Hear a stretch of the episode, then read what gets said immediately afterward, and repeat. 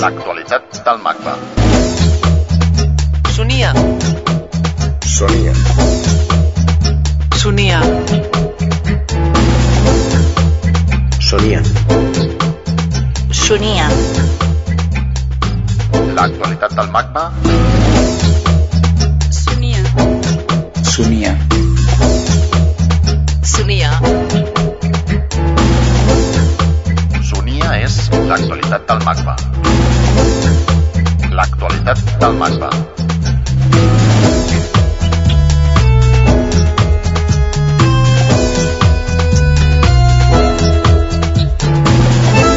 Avui, Anna Longoni.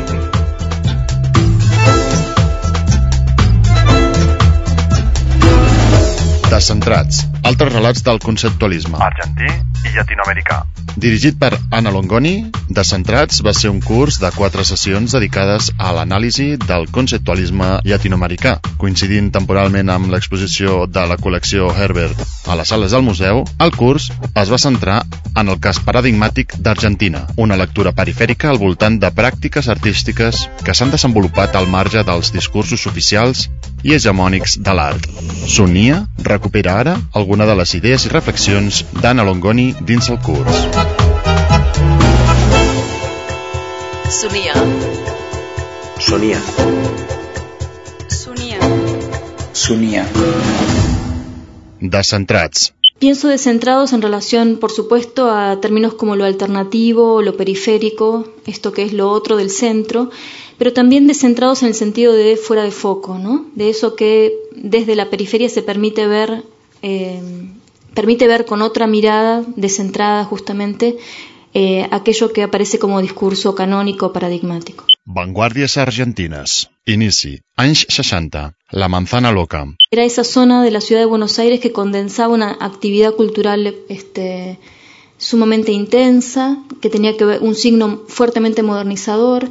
Ustedes ven señalados acá algunos bares, algunas galerías, este, editoriales, pero también allí estaba, por ejemplo, la, la Facultad de Filosofía y Letras, este, lugares que tenían que ver con la circulación y también con el debate y la circulación de ideas y el debate y la, circulación de personas a lo largo de esta trama que pasaban, digamos, por consumos culturales nuevos, por este la emergencia de un nuevo público lector, por la aparición de nuevas instituciones, de, no solamente en, en la- en el campo de las artes plásticas, sino también en el campo de, de la sociología, de la psicología, eh, de la literatura, de la, del teatro, y que renovaron así abruptamente, con este signo modernizador, la actividad cultural eh, en, en ese momento. L'horitzó de la revolució. Y este horizonte de la revolución se inicia claramente, o tiene digamos, un hito este, inicial en la época, en el continente, con el triunfo de la revolución cubana en el 59,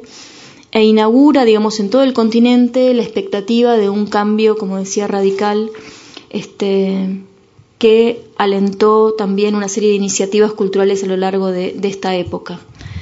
Eh, como les decía, esta época se puede pensar entonces a partir de, de el 59 con el triunfo de la Revolución Cubana y se extiende hasta entonces la clausura que implica el inicio de, los, de las dictaduras, de las últimas dictaduras en los 70, que bueno, son en el 73 en Chile, en el 76 en Argentina, etcétera. Vanguardia i institució. Muchas veces se tiende a pensar que las, las nuevas instituciones eh, inventaron, crearon a la vanguardia, eh, y lo que más bien me parece que ocurrió es que muchas veces las vanguardias excedieron a las instituciones o fueron más adelante y que las instituciones simplemente eh, cooptaron determinadas este, manifestaciones de las vanguardias, le dieron visibilidad, le dieron recursos este, económicos, materiales, pero eh, que las zonas más este, radicales de estas vanguardias quedaron eh, en lo inmediato afuera de las instituciones y fueron eh, absorbidas tiempo después, años después en algunos casos. Vanguardia i revolució. Justamente lo que hace es plantear tres momentos de este vínculo entre estos dos conceptos que de alguna manera son conceptos claves para entender eh, la relación entre el arte y la política en esta, en esta época.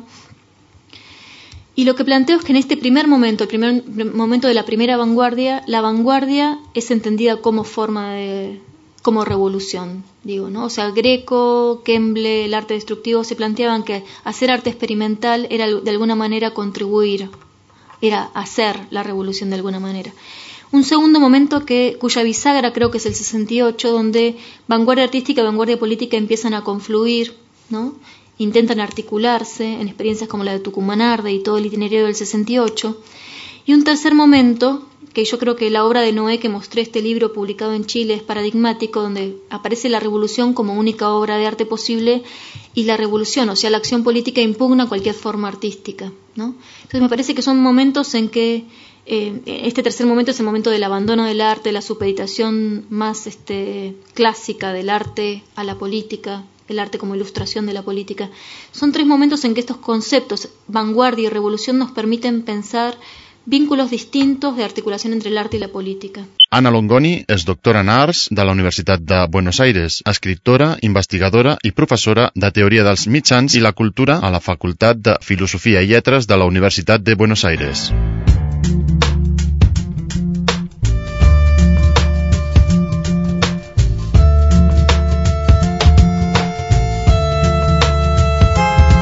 Sonia.